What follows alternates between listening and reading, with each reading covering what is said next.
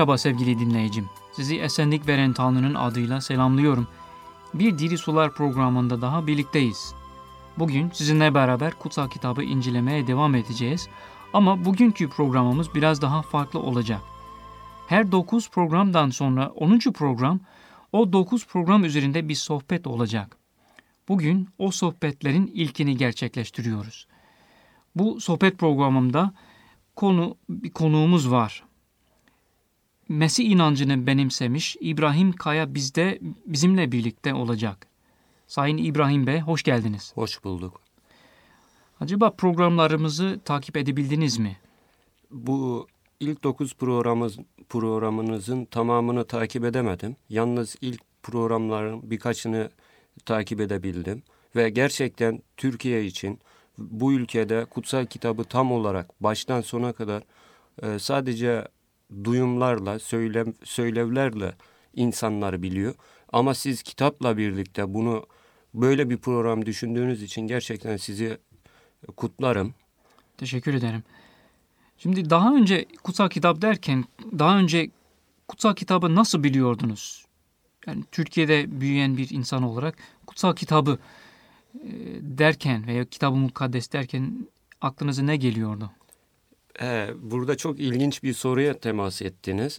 Bu Türkiye'deki bizler için kutsal kitap özellikle eski ayetin sadece Yahudileri ilgilendirdiğini, İncil'in de Hristiyanları ilgilendirdiğini biliyorduk. Bu söylevler var genelde.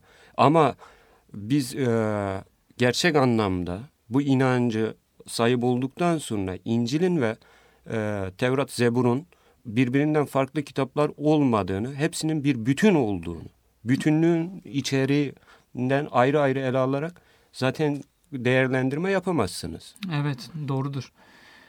Tevrat, Zebur, İncil bir bütün oluşturuyor. Ee, eski yeni ait bir bütün oluşuyor. Doğru.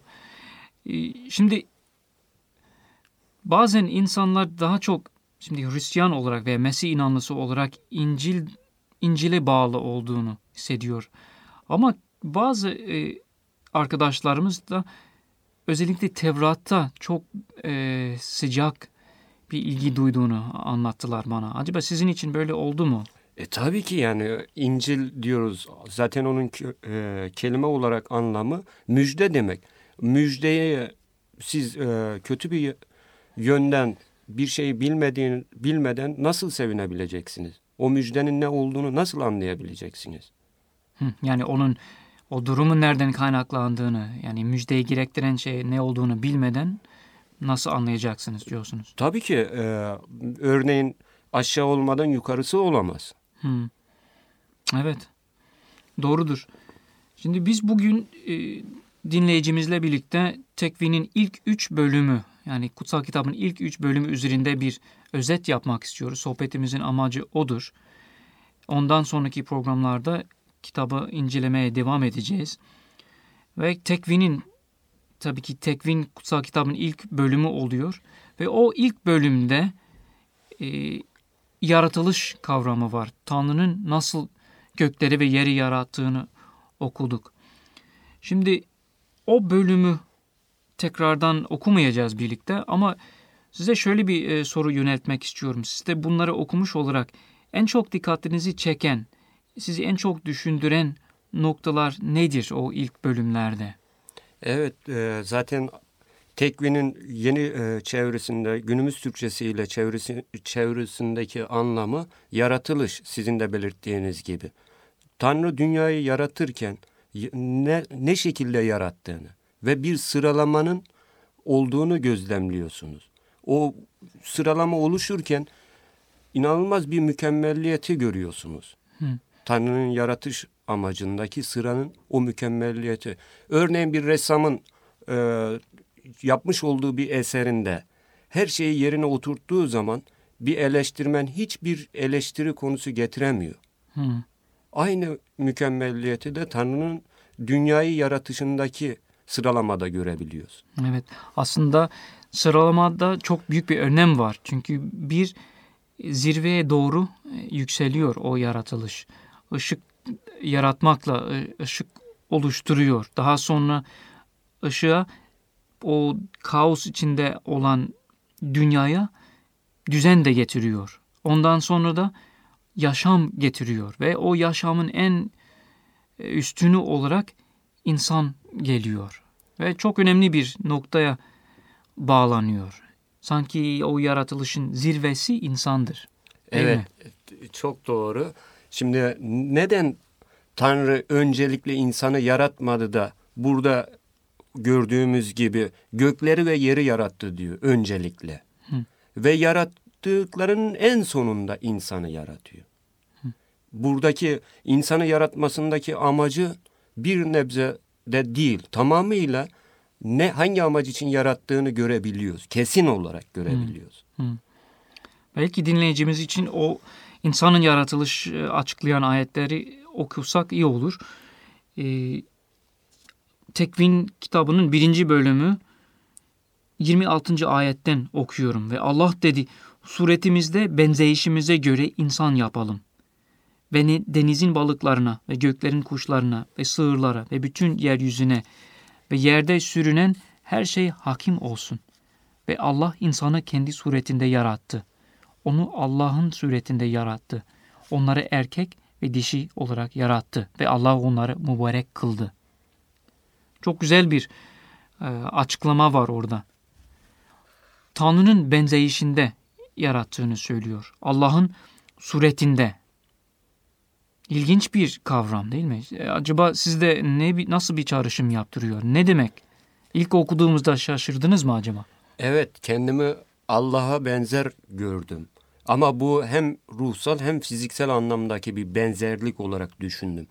Tabii ki o kadar büyük, derin bir sır var ki insanı burada yaratırken en son yarattığı canlı varlık olarak görüyoruz. İşte buradaki en son yaratılan insana Tanrı kendi suretinden, kendi benzeyişinden yarattığı sözüyle neyi kastettiğini anlamamız, biraz daha derin düşünmemizin gerekliliğini fark ettim. Daha sonra okudukça nasıl anladınız o zaman?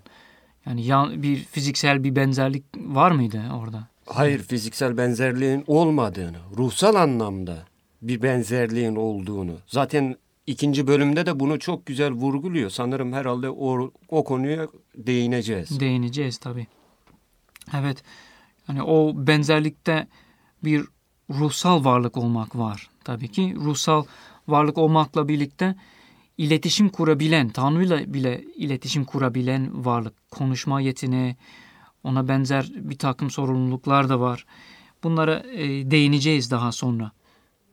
Bir e, çok ilginç bir şey var bu bölümde. Bazen bilimle çok ilgilenen insanlar e, çelişki bulmaya çalışıyor bu bölümde. E, bilimle çelişir şeklin, e, şeklinde. Halbuki e, bilmiyorum size sizin için böyle bir çelişkiler doğdu mu hiç veya düşündünüz mü? E, tabii ki düşündüm. Şimdi Tanrı birinci ayette de söylediği gibi yaratılış birinci bölüm birinci ayette başlangıçta Allah gökleri ve yerleri yarattı diyor.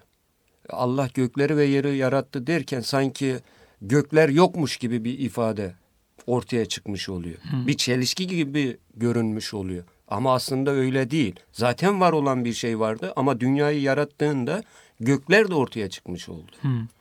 Bunu yani yerin yere göre bir e, açıklama yapılıyor değil mi? E, tabii zaten 17 ve 18. ayetlerde de sanırım onu görebiliriz. Güneş ve ay bir büyük bir küçük ışıktan bahsediyor. Hı. Yani şimdi eğer dünya olmamış olsaydı bu ışıkları nasıl e, Tanrı orada betimleyebilecekti? Hı. Evet. Muhakkak bir şeyin olması gerekiyordu ki onların varlığını göstersin. Evet. Aslında e, daha önce bir programımızda söylemiştik. Bu bölüm bilimsel bir e, açıklama için yazılmamıştır. Başka bir nedenle yazıldı. Şöyle bir örnek de vermiştik hatırlarsanız. Küçük e, kız Ayşe erkek kardeşine bir pasta yapmıştır, bir kek. Şimdi bir bilim adamı o keki laboratuvara alıp inceleyebilir. Onun onun yapılmasında kullanılan malzemeleri tespit edebilir. Neden yapıldığını, nasıl bir malzemelerden yapıldığını açıklayabilir. Halbuki Ayşe açıklamadıkça, onlara söylemedikçe onlar onun ne için yaratıldığını, yapıldığını kesinlikle bilemezler. Aynı şekilde bilim adamları evrenin ne için yaratıldığını bilemiyor ve o bölüm bunun cevabını verir bize. Değil mi? Evet gerçek o. Şimdi pastanın içerisindeki her tür maddeyi bilim analiz edebilir. Ama onu yapanın ne için, hangi amaç için yaptığını bulamaz. Evet. İsterseniz devam edelim. Ee, insanın e, yaratılışını biraz düşündük ve gerçekten kutsal kitap konusunda en temel gerçeklerinden bir tanesidir. İnsan nedir? Bilmiyorum. Ee, siz de herhalde düşündünüz. Ben düşündüm. Yani ben insan olarak kimim? Ne için yaşıyorum? Yaşam amacım nedir? Beni niçin istedi Tanrı? Buna benzer sorularınız da olmuştur herhalde. Evet yani ben e, kimim? Ben neyim? Niçin varım? Ve amacım ne? Varoluşumdaki amacım ne? Ben kimim? Niçin varım ve varoluşumdaki amacım ne? Yaşam biçimim ne? Niçin yaşamalıyım? Bu her insanın kendine sorduğu sanırım sorulardan bir tanesi. Dediğiniz çok doğru. Şimdi Tanrı beni yaratırken hangi amaç için yarattı? Ve yarattıklarının içerisinde bana niye bu kadar çok değer verdi? Hı. Bana ayrı bir özellik verdi. Diğer canlılardan ayırma olayını bana verdi. O özelliği niçin, o yükümlülüğü niçin bana yükledi? Buradaki benim aklıma gelen örnek şu oluyor.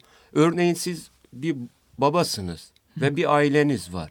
Siz ailenizin içerisinde var olan bireylere farklı farklı e, sevgi gösterir misiniz? Tabii ki değil. Evet bak cevabı siz verdiniz. İşte Tanrı da yaratmış olduğu bu dünyadaki canlıların içerisinde en fazla değer verdiği canlı insandı. Hı. Bu nereden kaynaklanıyor? Bize içinde, yüreğinde var olan o sevgiden kaynaklanıyor. Hı. Tanrı'nın sevgisinden. Evet. Kaynaklanıyor. Çok doğrudur. Başlangıçta söylediğim söze tekrar ben burada yeniden bir ekleme yapacağım. Hani kutsal kitap bir bütündür derken İncil'de Tanrı'nın sevgi olduğu, özünün sevgi olduğu ve yaratmış olduğu insanı kurtarmak için sevgisini ne şekilde gösterdiğini çok iyi görebiliyoruz. Ama buradaki işte o sevginin başlangıçta da insanı yaratırken hangi amaç için yarattığını, ne için yarattığını da görebiliyoruz. O hmm. sevgiden kaynaklanan bir olay bu. Evet, gerçekten. Daha sonra tabii ki Mesih'in çarmıhta ölmesiyle bu sevgi tam anlamıyla kanıtlanmış oluyor. O sevgi bize aktarmak için, o sevgiden kaynaklanan e, o büyük kurtarış e, o sevgiden kaynaklanıyor. Doğrudur. Mesih inancının özü odur. Evet işte burada da zaten kendi suretinden ve kendi benzeyişinden derken o sevgiyi görüyoruz burada. Tabii ki bu bizi başka ilginç bir konuya götürüyor. Bu e, şu anda yaşadığımız dünyada bu e, sevgiyi niye alamıyoruz? Tanrı'nın sevgisini niye bilmiyoruz? Veya başka bir soru da var. Mesih'in bu dünyadan dünya, dünyada ölmesine neden ne olabilir? Yani ölüm nereden geldi? Bu mükemmel ortama, mükemmel yaratılışı ölüm nereden geliyor? İsterseniz e, kutsal kitaptan o ayeti siz okuyun. ikinci bölümdeki o ayeti. O nereden geldiğini çok net bir biçimde bize göstermiş oluyor. Evet dinleyicilerimiz bilir. O ikinci bölümde Allah'ın dünyayı ve insanı nasıl yarattığını tekrar e, açıklanıyor. Ve özellikle orada insanın nasıl güzel ve mükemmel bir ortama konduğunu açıklıyor. Güzellik arasında, dostlukla, büyük bir sorumluluk altında ve hiç eksiği olmay olmadığı bir ortamda yaşıyordu. Orada iki tane ağaç vardı hatırlarsınız. Hayat ağacı ve iyilik ve kötülük bilme, kötülüğü bilme ağacı. O ayetlerden bir iki okuyabiliriz isterseniz. Rab Allah görünüşü güzel ve yenilmesi iyi olan her ağacı ve bahçenin ortasında hayat ağacını ve iyilik ve kötülüğü bilme ağacını yerden bitirdi. Ve o iki ağaçla ilgili şunu söyledi. Tabii ki o hayat ağacından yemesi gerekiyordu. Şöyle dedi. Rab Allah adama emredip dedi. Bahçenin her ağacından istediğin gibi ye. Fakat iyilik ve kötülüğü bilme ağacından yemeyeceksin. Çünkü ondan yediğin günde mutlaka ölürsün dedi. Evet şimdi işte İncil'de sanki sadece İncil'de var olan günahın ücreti ölümdür ayetini burada daha başlangıçta karşımıza çıktığını görüyoruz. Evet. Bizi yaratan o yüce varlığı bizden istediklerini yerine getirmediğimiz zaman ve onun bize önümüze koymuş olduğu iyi veya kötüyü bilme veya hayat ağacı. Hı. İki yol bırak önümüze koydu. Biz hayat ağacından beslenirsek ölümü tatmayacağımızı ama iyilik ve kötülüğü bilme ağacından beslenirsek Tanrı ile o mükemmel olan, kutsal olanla yaşamamızın önünün kesileceğini, iletişim kurmamızın artık olamayacağını burada görüyoruz. Evet. O günde mutlaka diyor, mutlaka ölürsün diyor. Çok e, çarpıcı bir e, bir uyarı ve bir nevi antlaşma yapıldı Adem'le orada insanla. Bunları yaparsanız yaşarsınız ama bu ağaçtan yerseniz ölürsünüz şeklinde net bir uyarı var. Aslında temas etmediğimiz bir gerçek var burada. Herhalde insan robot değildir. Evet, tabii Değil ki mi? yani. Şimdi Tanrı kendine robotlar yaratmadı insanları. Hmm. Onları özgür irade sahibi yarattı. Onları karar verme. Zaten diğer canlılardan ayıran özellik de bu. Hmm. Karar verme yetkisi. Niye diğer bir canlı karar verme yetkisi diye bir yetkiden e, kendini e, soyutlanmış gibi görünüyor bize? Sadece insan.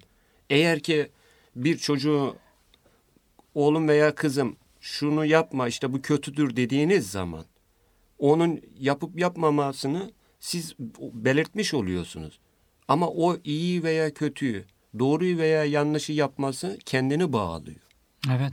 Siz engel olamazsınız buna. Ve ceza vererek, cezayı belirterek bir sanki insanı diyor ki kararın vereceğin karara saygı duyacağım ve o karar sizi bağlayacak. Yani o çok büyük bir değer verme aslında. Bir kader, bir e, robotlaşma olayı yoktur kesinlikle kutsal kitapta. Çok önemli. Bunu anlamak çok önemli değil mi?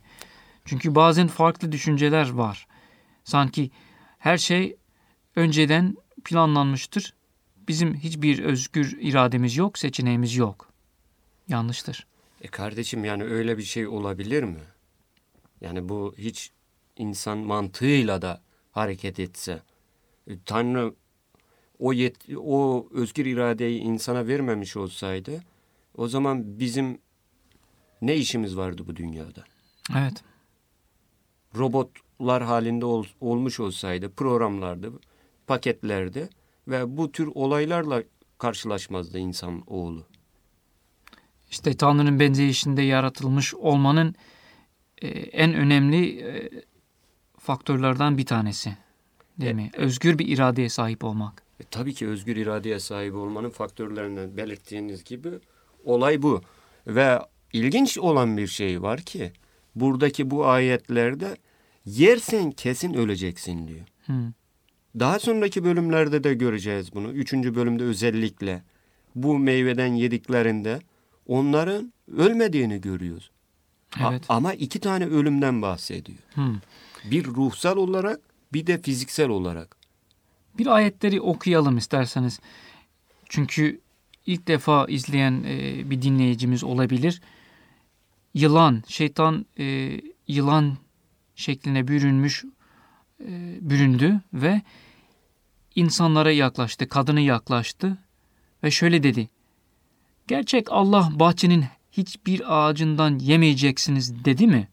Ve kadın yılanı dedi bahçenin ağaçlarının meyvesinden yiyebiliriz fakat bahçenin ortasında olan ağacın meyvesi hakkında Allah ondan yemeyin ve ona dokunmayın ki ölmeyesiniz dedi. Ve yılan kadına dedi katiyen ölmezsiniz. Çünkü Allah bilir ki ondan yediğiniz gün o vakit gözleriniz açılacak ve iyi, iyi ve kötüyü bilerek Allah gibi olacaksınız.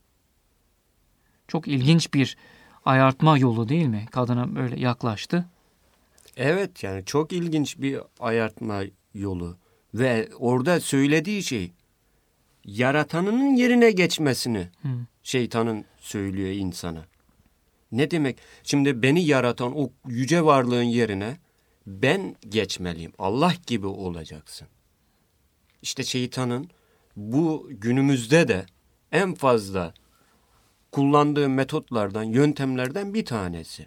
Bizi güçlü kılmaya sürekli yönlendiriyor. Hakim olmaya, yönetme ve sözümüzün, kendimizin her tüm evrende, insanlar karşısında e, geçmesini istiyor bizden. Evet. İnsanoğlunu ayartırken şeytanın kullandığı metotlardan bir tanesi. Ama en büyük metot Evet. bana göre. Gururumuza e, başvuruyor. Ona bakıyor ve oradan düşürüyor. Evet. Doğrudur. Kadın tabii ki e, ağaca baktı. Ağaç yemek için iyi, gözleri hoş, anlayışlı kılmak için arzu olunur bir ağaç olduğunu görüyor. Ve onun meyvesinden aldı, yedi. Ve kendisiyle beraber kocasını da verdi. O da yedi. Ama dediğiniz gibi çok ilginç bir şey var orada. Hemen ölmediler değil mi? Evet. Yediğiniz gün mutlaka ölürsün dediği halde hemen ölmediler. O gün bile ölmediler. Hatta daha sonraki bölümlerde çocuk sahibi olduklarını görüyoruz.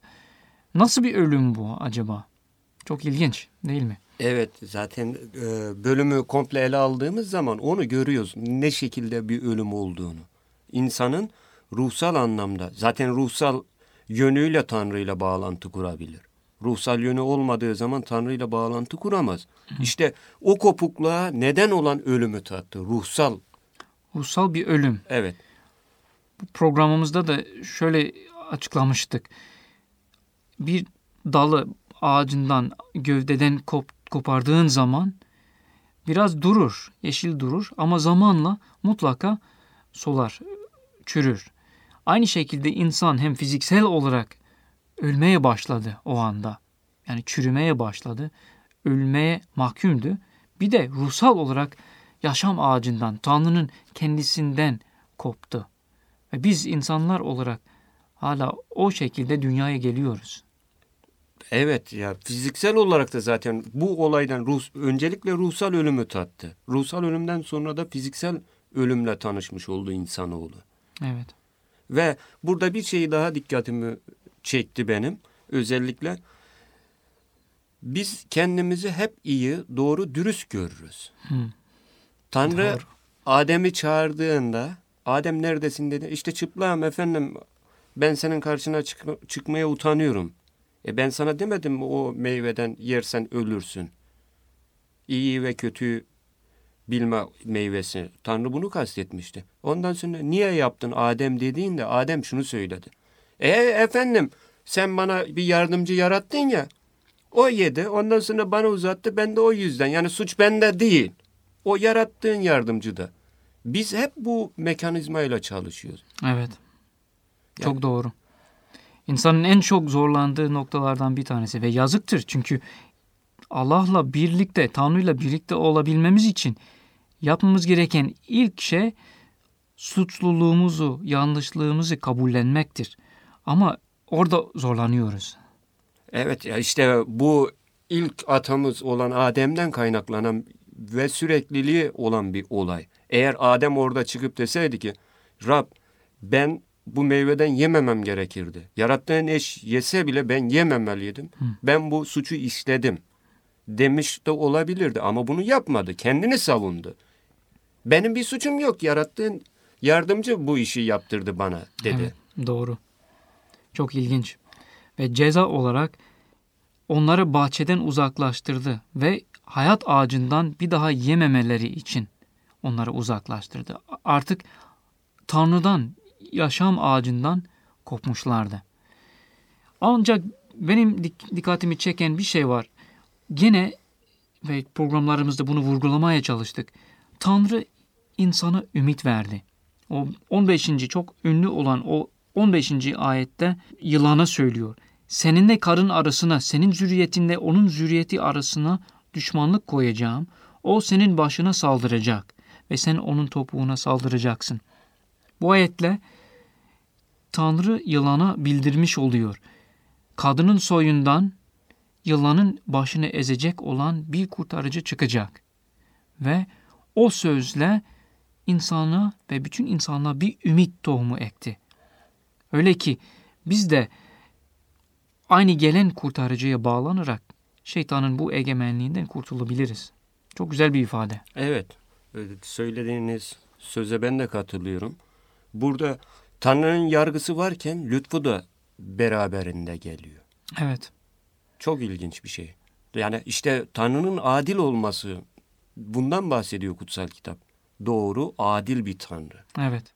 Ve burada Tanrı'nın yargısıyla birlikte Tanrı'nın lütfunu da görebiliriz. Bu okuduğunuz ayetler, ayette özellikle. Çok güzel bir konuya temas ettiniz ama maalesef bugün e, zamanımız e, bu kadardır.